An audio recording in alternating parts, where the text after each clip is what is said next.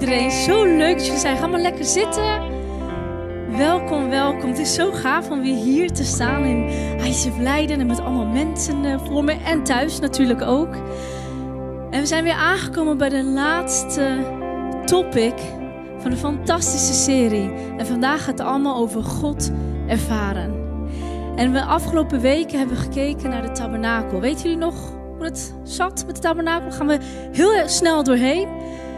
Dit is een foto van de tabernakel en het volk van God liep 40 jaar lang. 2 miljoen mensen zwerven ze door de uh, woestijn. En God gaf ze de opdracht om een huis te bouwen. Om de tabernakel te bouwen. Want hij wilde bij zijn volk zijn. En in de tabernakel heb je allemaal verschillende elementen. En het begint allemaal in het voorhof. Waarbij je de waarbij je de brandofferaltaar hebt en dan heb je de waterbassin en dan loop je verder. En dan heb je het heilige. En in het heilige heb je ook weer allemaal verschillende elementen. En als je dan daar doorheen loopt, kom je in het heilige de heilige. Daar waar Gods aanwezigheid is. Hoe bijzonder is dat? En vandaag gaan we een nieuw perspectief kijken. We gaan namelijk naar vier blikken kijken van de tabernakel. En de eerste gebeurt buiten de voorhof. De tweede is binnen het, in de voorhof. De derde in het heilige. En de vierde in de heilige der heiligen. En we gaan vandaag als het ware door de tabernakel heen lopen. Dus het wordt super nice. En waarschijnlijk vraag je bij jezelf af, ja, maar waarom blikken? Wat, heeft, wat is nou zo belangrijk aan blikken? Nou, blikken hebben een enorme uitwerking op mensen, een enorme impact. Je hebt het vast wel eens meegemaakt dat je het toilet uitloopt en mensen die zo naar je kijken van... Nou, en denk je, wat is er nou? Dan kijk je naar beneden, oeps, wc-papier aan mijn schoenen. Voel je natuurlijk niet helemaal fijn bij. Blikken hebben zo'n verschillende uh, impact op jou en op mij. Bijvoorbeeld het blik van een moeder die naar haar baby kijkt. Vol wondering, vol liefde. En daar zo van geniet. Of een blik van een verliefde stel die net verloofd is met elkaar. En die kunnen natuurlijk alleen maar glimlachen en verliefd naar elkaar kijken. En we waren toen ook echt uh, pas verloofd. En het heeft zo'n enorme impact op hoe je voelt en hoe je gedraagt. En om het even te ervaren van, hey, hoe, wat voor impact kunnen blikken nou eigenlijk hebben op mij, gaan we een oefening doen. Jullie thuis ook, dus doe gezellig mee. Je kan gewoon blijven zitten waar je bent. Uh, je mag uh, links of rechts van je kijken, even naar je buurman of je buurvrouw. We hebben natuurlijk te maken met afstand, dus blijf vooral zitten waar je bent. nou, probeer elkaar aan te kijken, de dichtstbijzijnde persoon. En de persoon aan de linkerkant, die aan de linkerkant zit, die mag dan als eerste een, een boze blik naar die persoon werpen. Echt je allerboosste blik die je hebt. Ja, William? Nou, de andere persoon die die blik ontvangt, hoe voelt dat? Ja, niet zo fijn, hè? Nee. Nou, die persoon, die mag dan weer een ander blik teruggeven. Een heel verdrietige blik. Geef je allerverdrietigste blik die je hebt. Hoe voelt dat? Ook niet fijn.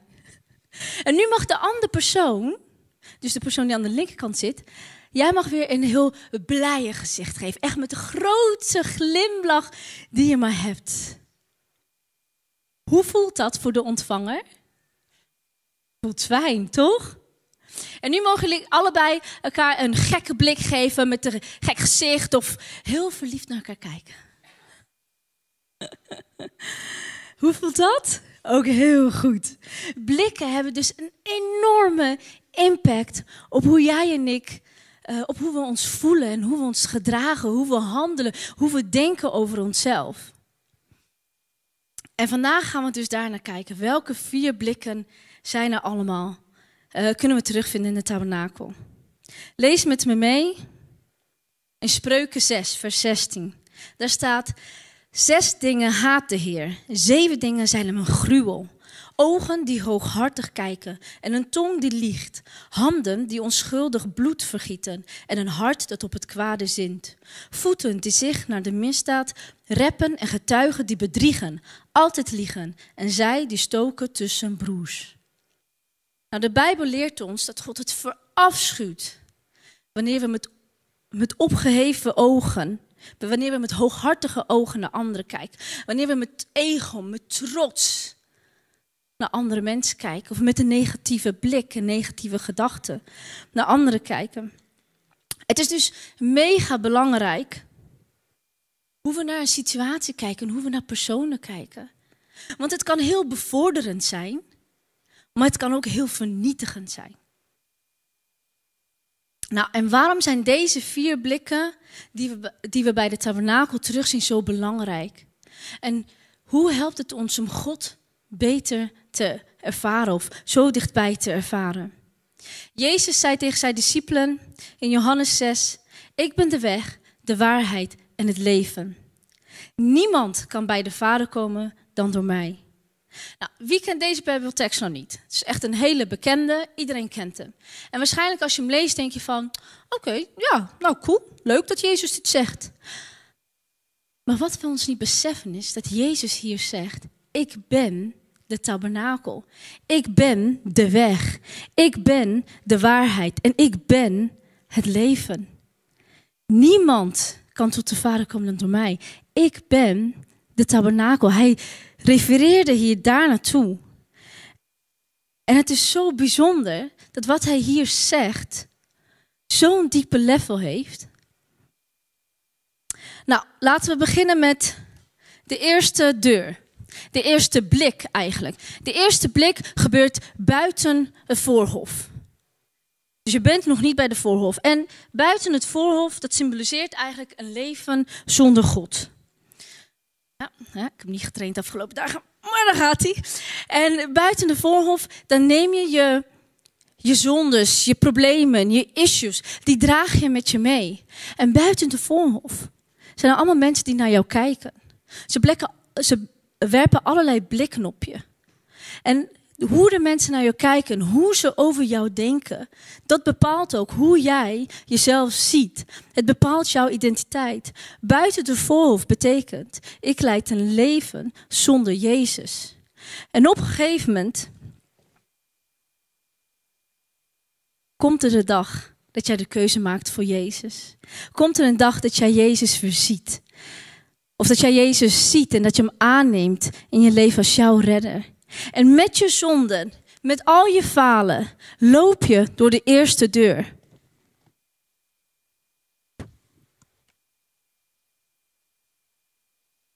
Je loopt de voorhof binnen. En je ervaart Jezus dat Hij jouw weg is. En met je zonde, met je falen, alles wat niet goed aan jou is, alles wat niet perfect aan jou is, mag je de voorhof binnenlopen. Mag je Jezus aannemen. En in het voorhof komen we als eerst tegen de brandofferaltaar. En bij de brandofferaltaar nemen wij de tijd om mijn zondes daar neer te leggen.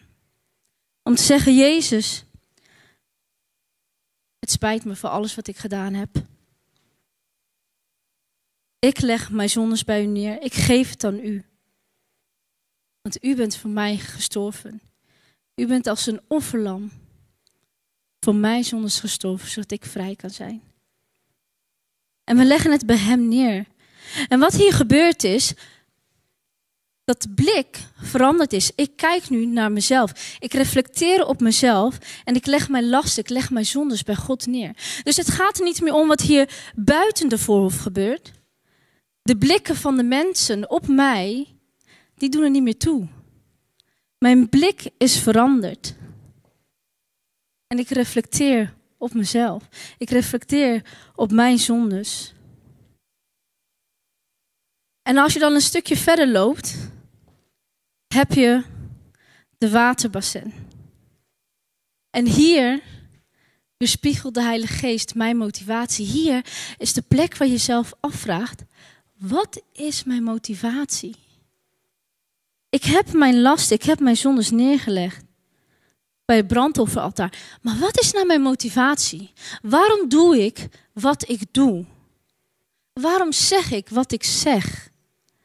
En als je daarop staat en je ziet de verspiegeling van jezelf. En dan kijk je veel dieper. Het is net als wanneer je een wond hebt. Het is net als wanneer je of een breuk hebt. In eerste instantie denk je, in eerste instantie denk je van, hé, hey, er is helemaal niet zoveel te zien. Het valt eigenlijk allemaal wel mee.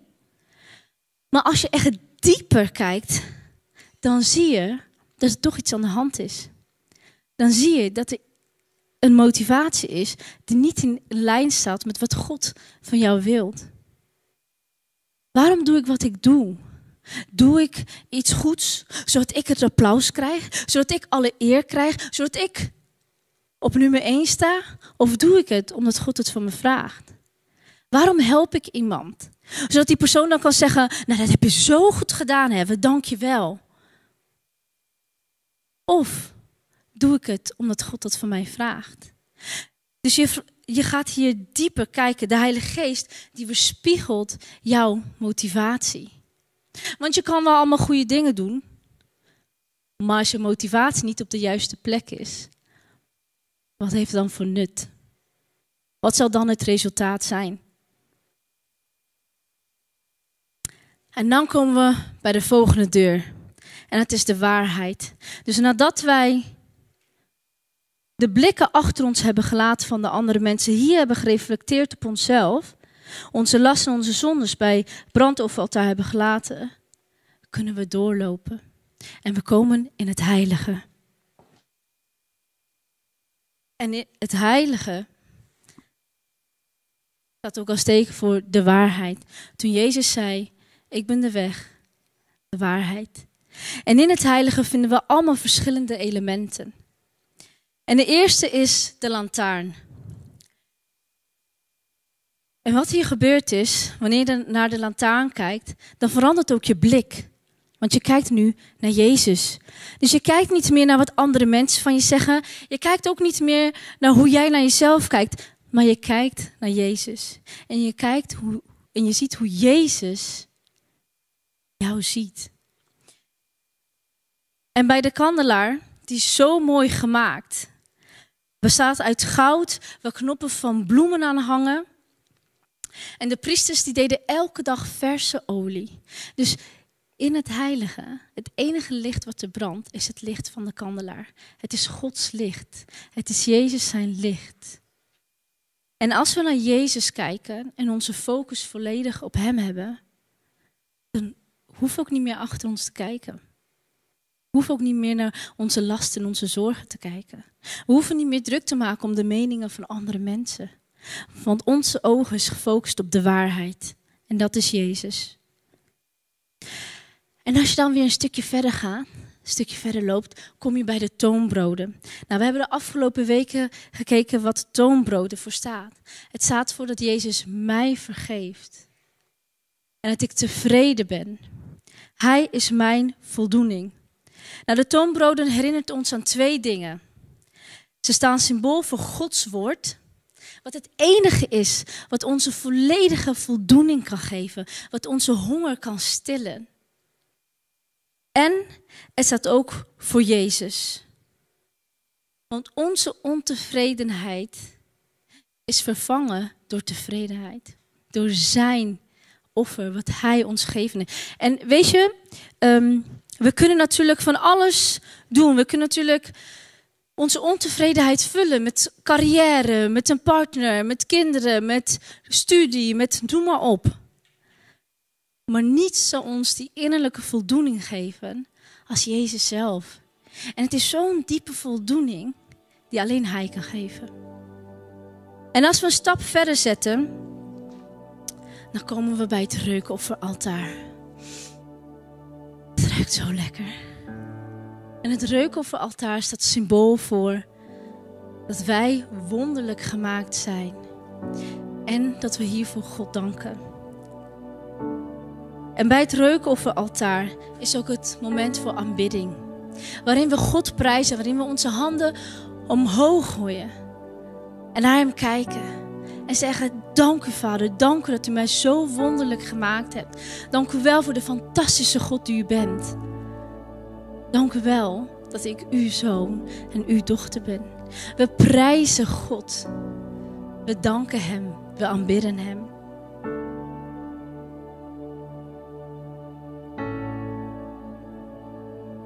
En hier in het heilige is Jezus mijn waarheid. Hij is ook jouw waarheid. En als het allemaal voorbij is en je bent de eerste deur, de tweede deur doorheen gegaan, waar kom je dan in?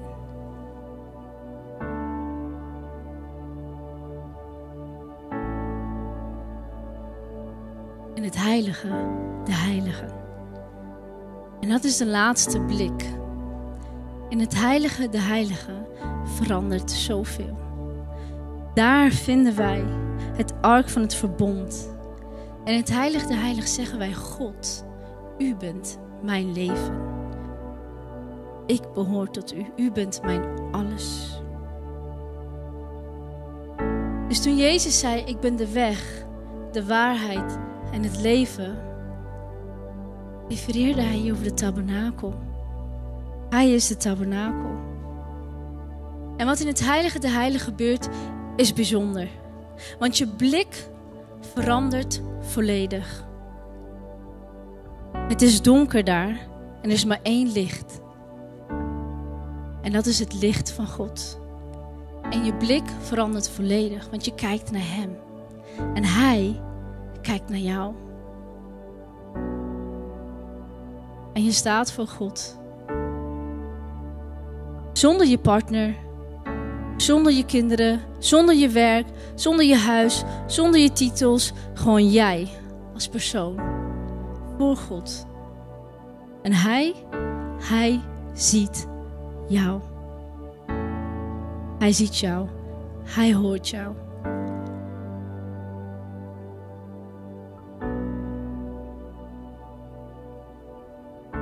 En we lezen in Numeri 6, vers 25. Mogen de Heer u zegenen en u beschermen. Mogen de Heer het licht van zijn gelaat, dus van zijn gezicht, over u doen schijnen en u genadig zijn. Mogen de Heer u zijn gelaat toewenden en u vrede geven. Ik wil jullie vragen, ik wil jullie uitdagen om als het ware in het licht te staan. Jij staat daar voor God. Hij kijkt naar jou, jij kijkt naar Hem. Het gaat er niet meer om wat andere mensen over je zeggen. Het gaat er niet meer om hoe jij naar jezelf kijkt. Maar het gaat erom hoe God naar jou kijkt. En zometeen zal er een lied gespeeld worden. En terwijl ze aan het zingen zijn, stel jezelf de vraag: God, wat wilt u tegen me zeggen? Hier ben ik, hier sta ik. In uw aangezicht, in uw licht, in uw aanwezigheid. Spreek tot mij. Wat wilt u tegen me zeggen?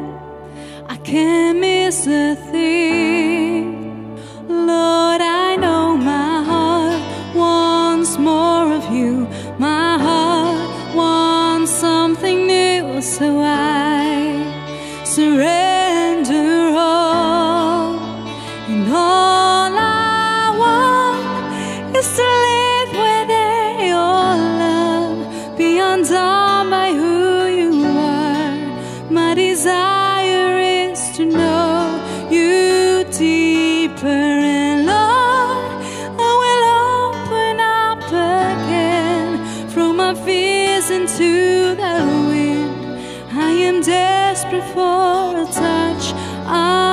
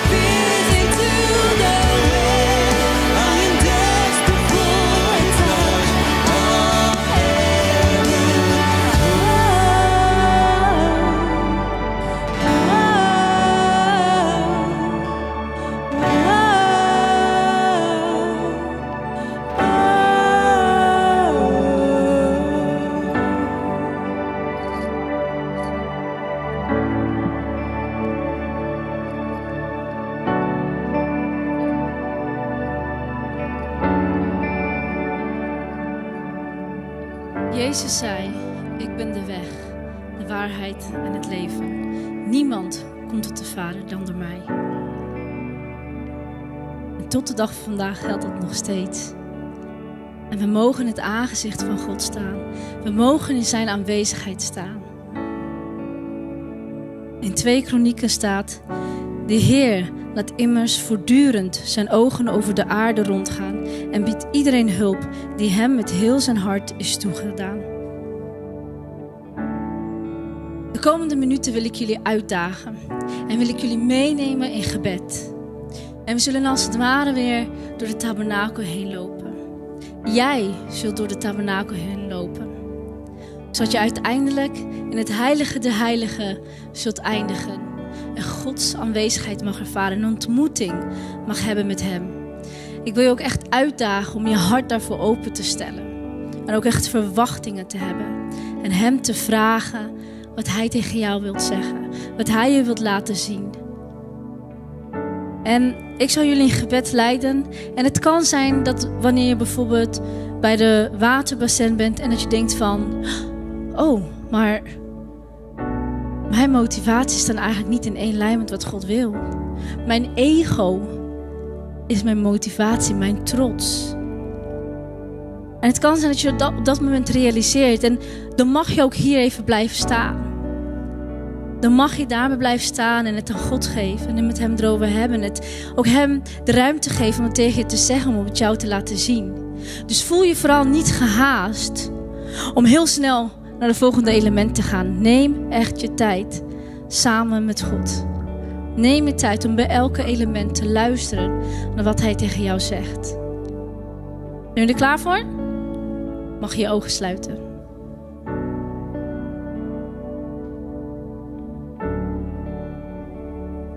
Staat buiten de voorhof.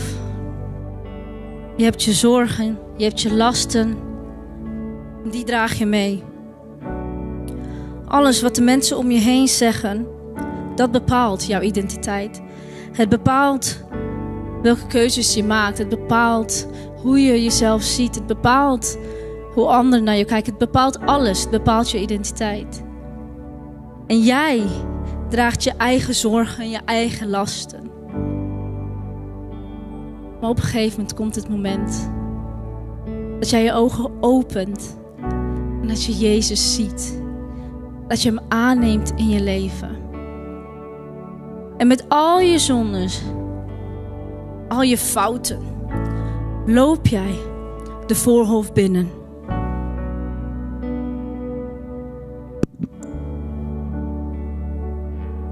En als je in het voorhof bent, is het eerste wat je ziet de brandofferaltaar.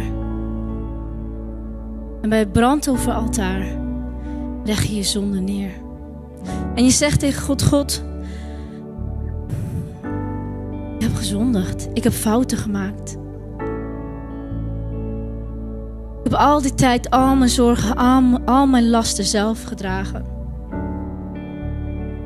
Maar vandaag neem ik de keuze om het bij u neer te leggen. Ik wil het niet meer meenemen. Ik wil het niet meer dragen. Ik geef het aan u. Vraag aan God: zijn er misschien nog, zijn er misschien nog dingen die ik nog niet los heb kunnen laten, die ik nog niet aan u heb gegeven, waar ik nog geen vergeving voor heb gevraagd? Of wellicht heb ik iemand anders nog niet vergeven. Wat zijn die dingen? Waar heb jij nog geen vergeving voor ontvangen?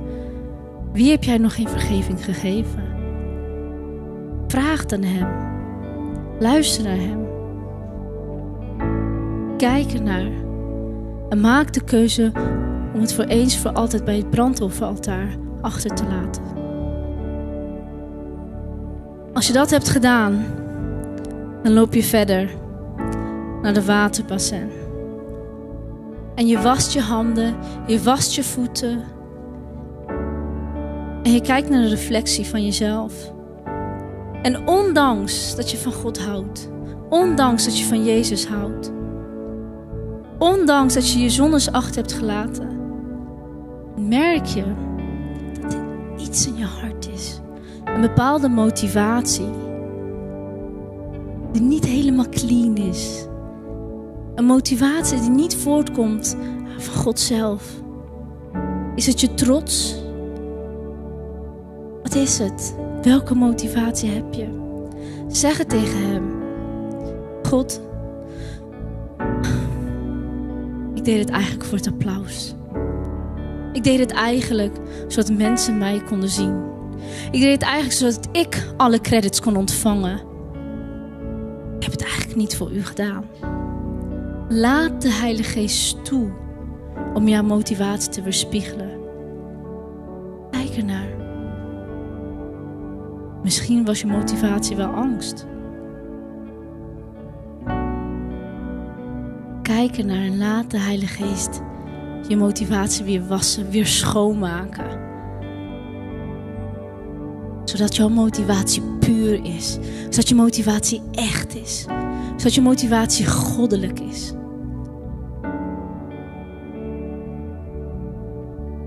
En als je zover bent, loop je door. En je gaat de tabernakel in. De eerste deur. De tweede deur. De waarheid. En daar vind je als eerst de kandelaar. Er zijn geen ramen hier. Enige licht wat er is, is die van de kandelaar. Is die van Jezus zelf. En als je daar staat, vertel het aan Jezus. Jezus, u bent mijn licht. U bent mijn waarheid. U leidt de weg. U verlicht alles in het leven. En omdat ik u heb aangenomen in mijn leven, zal uw licht door me heen schijnen. Zodat waar ik overal kom, mensen u mogen gaan ervaren. Vertel het tegen hem. Want de lantaarn staat ook symbool voor hoop. Hij geeft jou hoop. En wellicht denk je nu bij jezelf: ik heb eigenlijk geen hoop meer in het leven. Ik heb geen hoop meer dat dingen goed zullen gaan. Ik heb geen hoop meer dat mijn wensen, dat mijn dromen uit zullen komen. Ik ben hopeloos. Als je dat hebt, als je die gedachte hebt, wees moedig. En leg het bij de kandelaar neer. Vertel het aan Jezus. Vertel het hem. Want er is geen, er is niks wat te groot is voor God dat Hij niet aan kan. En Hij kan jou die hoop geven. En alleen Hij. En als je weer een stukje verder loopt, kom je bij de toonbroden. En daar word je eraan herinnerd dat Jezus jouw voldoening is. Hij is jouw voldoening. Bij de toonbroden kan je tevredenheid ervaren. Je bent tevreden over wie je bent. Je bent tevreden hoe je eruit ziet. Ik hoef niet meer mijn tijd, mijn energie te verspillen om die ontevredenheid te vervullen met geld, met seks, met, met baan, met partners, met hard werken, met noem maar op. Want Jezus, u bent voldoende voor mij. Ik ben niet pas gelukkig als ik die volgende studie heb gedaan, als ik die ene functie heb, als ik die ene partner heb. Maar u bent voldoende voor mij en ik ben tevreden.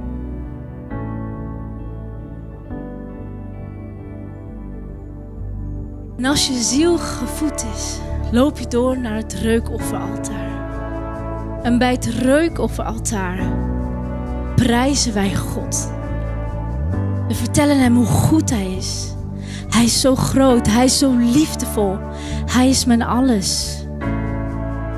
We danken hem en we zijn dankbaar. Dankbaar voor hoe ik eruit zie. Dankbaar voor mijn talenten, voor mijn gaven, voor mijn karakter. En ik prijs hem. Ik prijs hem omdat hij mijn maker is. Ik prijs hem omdat ik zijn meesterwerk ben.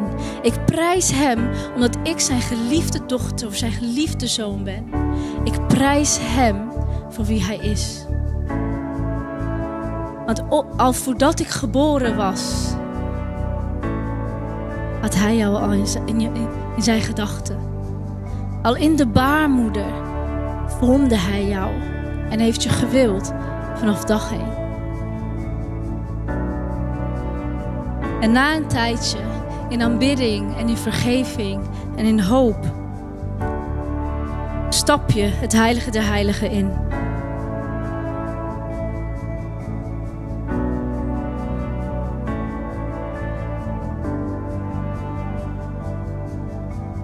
En in het heilige der heiligen is Gods aanwezigheid. En het heilige der heiligen is er maar één licht. En daar besef je dat God, Hij is mijn leven. God is mijn alles. En zonder Hem ben ik nergens. En je staat hier. En je richt je op Hem. En je geniet van Zijn aanwezigheid. Van alles wat Hij tegen jou wilt zeggen. Wat zegt Hij tegen jou? Welke woorden, welke bemoediging, welk beeld geeft Hij aan jou? Luister naar Hem.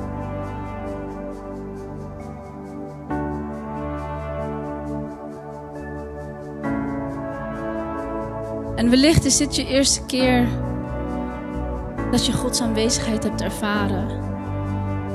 Of misschien voelde je de afgelopen tijd zo ver van Hem. Dat je eigenlijk niet meer wist van God, ziet u mij eigenlijk nog? Hoort u mij eigenlijk nog? En als dit je allereerste keer is dat je een ontmoeting hebt gehad met God, dank Hem daarvoor. En ik wil je ook uitdagen om deze simpele gebed mee te bidden. Dank u God, dank u Jezus, dat u mij gekozen hebt. Dat u mij al zag voordat ik gemaakt werd. Dank u wel voor deze ontmoeting die ik samen met u heb. Ik had geen hoop meer. De blikken van de mensen om me heen, die weegden veel zwaarder dan uw blik. Maar ik zie u nu, ik hoor u nu, ik ervaar u nu. En ik sta hier voor u.